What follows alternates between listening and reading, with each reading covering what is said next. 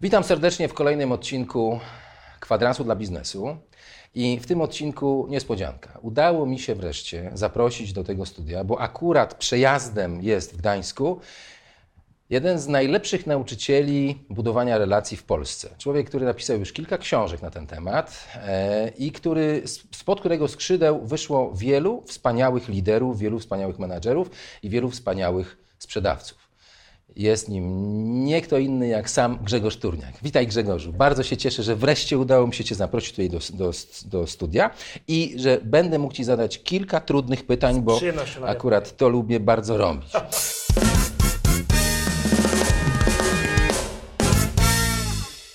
E, wiesz co, pierwsza rzecz, e, która mi przychodzi do głowy, a to jest obszar, w którym ty się doskonale poruszasz, to są eventy.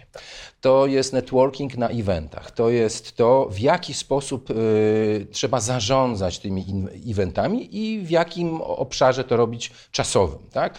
Bardzo często y, widzę na takich eventach, na konferencjach, na, na spotkaniach ludzi, którzy przychodzą tam i nie za bardzo wiedzą na samym początku, co mają robić i tracą niesamowitą okazję do poznania innych osób. Powiedz mi, dlaczego tak jest? Skąd to się bierze w ogóle, że, że, że ludzie przychodzą i nie wiedzą, co tam robić w ogóle? A jak się ich spytasz, to przyszli poznać innych ludzi. Polska weszła do no, światowej ekonomii te 20 par lat temu. Wcześniej mieliśmy tak zwany PRL, gdzieś okupacja. Polacy za PRL-u nie lubili gdziekolwiek należeć. Należenie gdziekolwiek oznaczało wysługiwanie się czerwonemu, tak jak się mm -hmm. mówi kolokwialnie. W związku z czym całe dwa pokolenia oduczyły się należeć gdziekolwiek. Chodzić gdziekolwiek. Spotykano się tylko w gronach rodzinnych i bardzo wąskich przyjaciół. No i od tych 25-6 lat kiedy już weszła ta ekonomia rynkowa, gospodarka rynkowa, no to Polacy się tego uczą. Oczywiście w pierwszym momencie wiadomo, łóżka, stadiony, różne inne miejsca, gdzie handlowali. Potem rynek się cywilizuje, teraz cywilizuje się coraz bardziej. Proste zasoby się już kończą, proste zasoby sprzedażowe. Teraz już nie da rady, rzadko się spotyka akwistorów wchodzących od drzwi do drzwi stukających, to na początku lat 90. było normą. No właśnie, teraz już strzelają do jakichś nie ma, tak, ale dużo rzadziej są.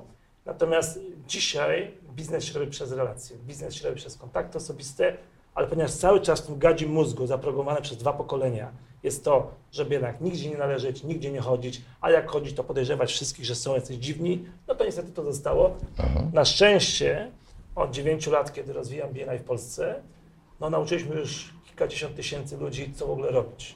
Mój na przykład film Nigdy nie stój sam z Festiwalu Inspiracji 2013 roku, no też bije rekorder popularności. Wiele film puszcza swoim handlowcom, puszcza swoim pracownikom, puszcza swoim menadżerom, mówi obejrzyj koniecznie, żebyś wiedział, co zrobić na evencie, żebyś tam nie stał sam, żebyś nie siedział, żebyś z tej konferencji wyszedł z rękami pełnymi kontaktów, a co ważniejsze, relacji. Nie sprzedaż, relacji. No więc właśnie, więc co robią ludzie bardzo często, jak już mają odwagę podejść do kogoś, to co oni robią? Bo ja zauważyłem, że oni usiłują natychmiast coś sprzedać, tak? Tak, dlatego, że nie rozumieją, ja to nazywam lejka sprzedaży. Mhm. Ci, którzy pracowali gdzieś w korporacjach, pracowali w dużych organizacjach sprzedażowych, wiedzą, czym jest lejek sprzedaży.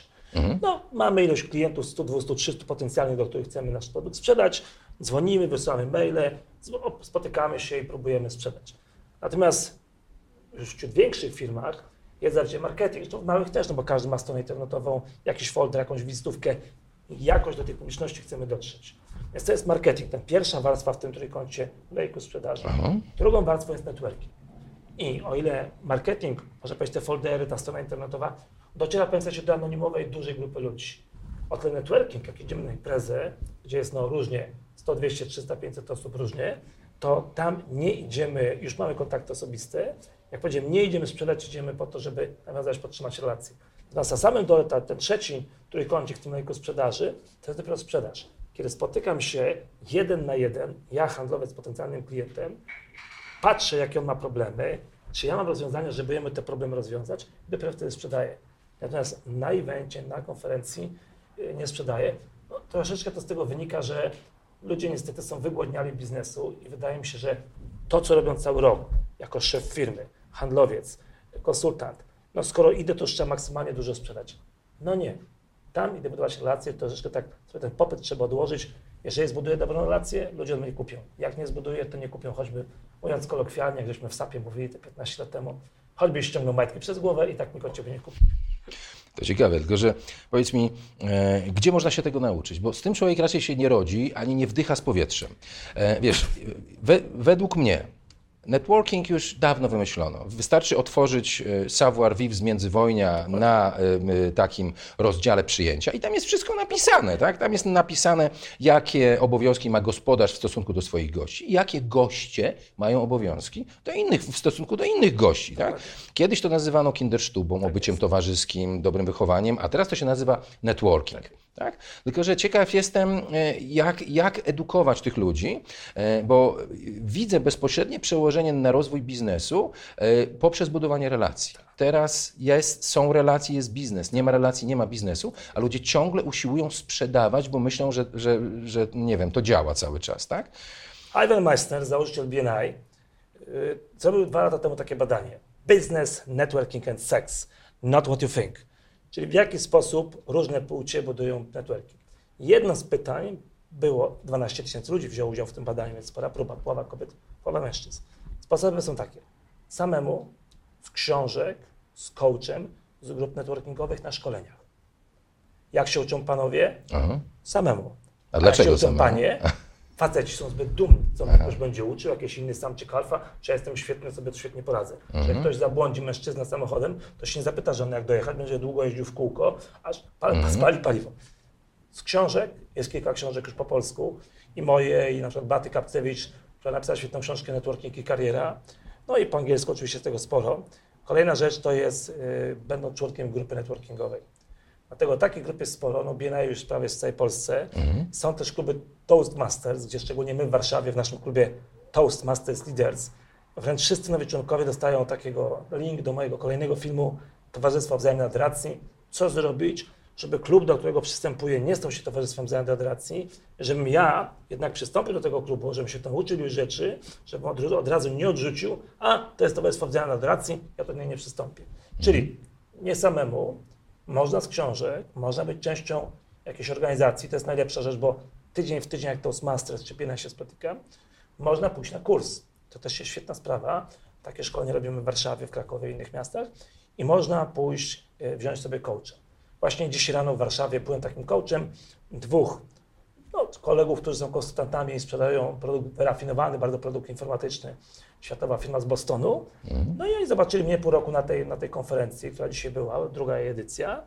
Poprosili, umówiliśmy się, spotkaliśmy, zrobiliśmy godzinną odprawę, ustaliśmy rolę, ustaliśmy cały proces, zasady, co robić, czego nie robić. No i później żeśmy przez godzinę razem byli komitetem powitalnym, Aha. a potem w czasie przerwy żeśmy jeszcze dodatkowych kilka osób, na których im zależało, skontaktowaliśmy, Aha. ale znowu mieli zakaz sprzedaży. Aha. A to trzeba chyba dość e, jasno tak, zdefiniować, do tak? mózgu trzeba to Dokładnie włożyć, tak. powtarzać. Tak. Natomiast wykształceni ludzie inteligentni szybko załapali. Powiedziałeś, że faceci sami się uczą, a jak kobiety się uczą? No więc tak mówię, kursy, Aha. książki. Aha, czyli wszystkie inne sposoby. Tak jest. A to jest lekko żartobliwie, bo Aha. panowie też się tak uczą, natomiast niewielka no, przewaga mężczyzn uczy się generalnie samemu, a niewiele kobiet mhm. raczej samemu się nie uczy, tylko z tych mhm. Okej, okay, tak mi się wydaje i co o tym sądzisz, że networking tak naprawdę jest najważniejszy dla liderów, dla tak. właścicieli firm, tak? bo to oni mają czas, wydaje mi się, na to, żeby na takie eventy, konferencje chodzić, bo menadżerowie bardzo często są zajęci budowaniem zespołu, rekrutacją i tak dalej, rozliczaniem tych swoich sprzedawców, a sprzedawcy zajęci są sprzedażą, tak czyli ciężką orką. Tak Czy to jest prawda, że tylko i wyłącznie liderzy powinni się tego uczyć, no i łapać kontakty?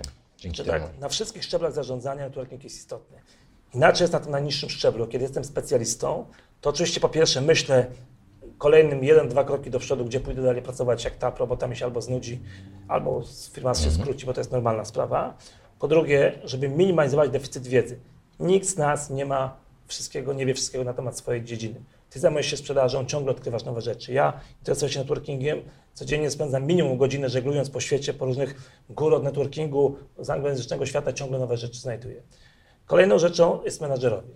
Menadż, o ile sukcesem specjalisty jest to, żeby samemu awansować i zarabiać więcej pieniędzy, to tyle głównym celem menadżera jest to, żeby jego ludzie osiągnęli sukces. Żeby jego ludzie osiągnęli sukces, on po pierwsze powinien się ich rozwojem zajmować, a po drugie mieć dobre relacje z innymi menedżerami z innych działów, szczególnie większej firmy, ewentualnie z partnerami na rynku, żeby im ten sukces ułatwić. Mhm. I dopiero najwyższy poziom, poziom liderski, to jest poziom, kiedy już nie myślę o swoim rozwoju, nie myślę o rozwoju moich pracowników, myślę o rozwoju firmy.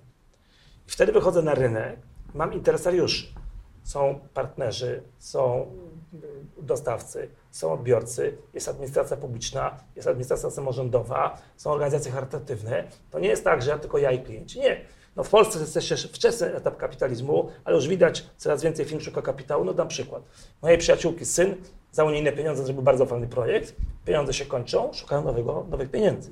Powiedziała mi o tym, spotkałem się z chłopakami, pokazałem ich pięciu inwestorów, których znam, ludzi, którzy inwestują, czy to Rafała Agnieszczaka, czy Marcina Pytla od Golden Line, Rafał Agnieszczak z Fotki. Oni się spotkali, porozmawiali, no i gdzieś tam ścieżka pozyskiwania kapitału się już kręci. Żeby rozwinąć swój biznes, trzeba mieć szeroką sieć kontaktów. I tylko nie tylko szeroką, bo przyjaciół trzeba mieć nielicznych, a nie zawodnych. Czyli z jednej strony ta sieć powinna być w miarę szeroka, z drugiej strony niezawodna. Więc lider jest osobą, która umie uprawiać politykę i w stosunku do innych firm, do konkurencji i tak dalej, i z drugiej strony też monitorować rynek, żeby wyczuć puls rynku. Siedząc w firmie, pracując, robiąc zlecenia, nie czuję, co się dzieje na zewnątrz. A na zewnątrz te zmiany nie trwają 20 lat. One dzisiaj trwają pół roku, rok, dwa, mhm. trzy. Ja znam takich moich, moich paru kolegów ze studiów, którzy do dzisiaj mają nagrywanie wideo, co 25-30 lat temu to były największe pieniądze na rynku, to dzisiaj używa kasety VHS. Ktoś mhm. inny, nie wiem, zakłada alarmy, no i sprzedaje te kamerki, które jeszcze kiedyś kosztowały 1000, dzisiaj kosztują 100 zł, prawda? Marża wtedy była 200, dzisiaj 20 zł. No i siedzą, nie wyjrzą gdzieś na rynek, bo im się wydaje, że wszystkie rozumy zjedli, siedzą w tym. W związku z czym tutaj ktoś, kto chce rozwinąć swój biznes, no powinien wyjść na zewnątrz. Co zrobić, żeby to przynosiło rezultat? Po pierwsze, trzeba to zaplanować. Znacie słynną taką metaforę, którą używa bardzo często Stephen Covey, że jeżeli weźmiemy słój i do niego wsypiemy piasek, małe kamienie, średnie, duże, jeżeli to wsypiemy w niewłaściwej kolejności, no to nam zostanie tego towaru trochę. Jeżeli najpierw włożymy duże kamienie, później wsypiemy średnie, później wsypiemy małe, później wsypiemy piasek, a na koniec zalejemy piwo, no to mamy, wszystko się zmieściło. I podobnie jest tutaj, jeżeli na początku roku ja sobie zaplanuję te duże kamienie, czyli co miesiąc idę na jedną imprezę networkingową po godzinach, raz na kwartał idę na szkolenie, w zależności od rodzaju firmy. Jedna firma zapłaci 500, druga 5000. Ale świadomie wpisuję sobie na cały rok, jestem, nie wiem, w Harvard Business Review, w think tanku czy gdzieś indziej, chodzę, mam spisany, proszę bardzo, zaplanowany budżet i finansowy, i czasowy. Mhm. I wtedy, jeżeli Mało mam to, zaplanowane, to to się zadzieje. Mhm. Jak nie mam, to zawsze bieżące oczy podzaleją czoło, no i mówię, no nie mam czasu, nie mam czasu. Tak jest. A powiedz mi, czy takie... E instrukcje, takie uwagi zamieszczasz w swojej najnowszej książce, która jeszcze nie ujrzała światła dziennego, ale słyszałem, że już jest na ukończeniu. Książka pod y, bardzo ciekawym tytułem Nigdy nie stój sam. Była taka książka Never Eat Alone. Nigdy nie jedz sam. A ty napisałeś książkę Nigdy nie stój sam. Powiedz mi, czy to może być podręcznik właśnie dla takich ludzi, o których mówimy dzisiaj, dla takich ludzi, którzy chcieliby się nauczyć tego networkingu i budowania swojego biznesu właśnie na bazie budowania relacji. Jak obejrzycie mój film, właśnie Never Stand Alone, Nigdy nie stój sam, 20-minutowy film z, z Festiwalu Inspiracji, który zresztą niedługo będzie 27-8 sierpnia w Warszawie, zapraszam serdecznie, to tam, można powiedzieć w takim skrócie 20-minutowym powiedziałem to, co jest esencją tej książki. Zacząłem się tego uczyć na początku lat 90. Później w latach 2000 już coraz więcej, coraz więcej, a od 9 lat Prowadziłem ponad 1000 sesji networkingowych dla 100 tysięcy ludzi. Więc ja wchodzę na dowolną imprezę, mniej ludzi, więcej, takie fłaje, inne fłaje, taka sala, inna sala. Wiem, jak tym zarządzić. Jeśli jeszcze mam ludzi do pomocy, takich jak ty, czy paru innych moich przeków, Waldek, Razik, Artur, Sujka i tak dalej, to jesteśmy w stanie tak zarządzić, żeby wszyscy ci uczestnicy na początek trochę zdziwieni, zaskoczeni, ale potem są zadowoleni i tak dalej. Także to, co rzeczywiście jest istotne, to powiedziałem, po tych tysiącu sesji networkingowych dla 100 tysięcy ludzi ja zacząłem rzeczywiście wyczuwać y, niuanse, wszystkie, które tam się podzieją. Na przykład od mniej więcej trzech lat zacząłem interesować się introwertykami.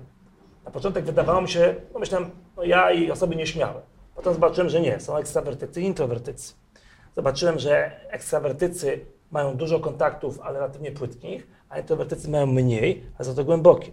Że każdy z nich inaczej traktuje networking i każdy z nich może coś wnieść, może coś z takiego networkingu skorzystać. Czyli zacząłem się teraz przyglądać na przykład będę miał teraz 15 e, czerwca mój wykład e, networking dla ludzi, którzy go nie cierpią. Mhm. Będę mówił dla tych, którzy rzeczywiście, e, no nie, nie, nie jest to rzecz taka naturalna. To, o czym zapytałeś na początku, czy networkingu można się nauczyć? Można. Po pierwsze trzeba wyrzucić stare przekonania. Nie dam rady, głupio, jak nie ma do tego talentu, to po co się tego uczyć? Spokojnie. Kto z Was jeździ samochodem? No myślę, że większość z Was.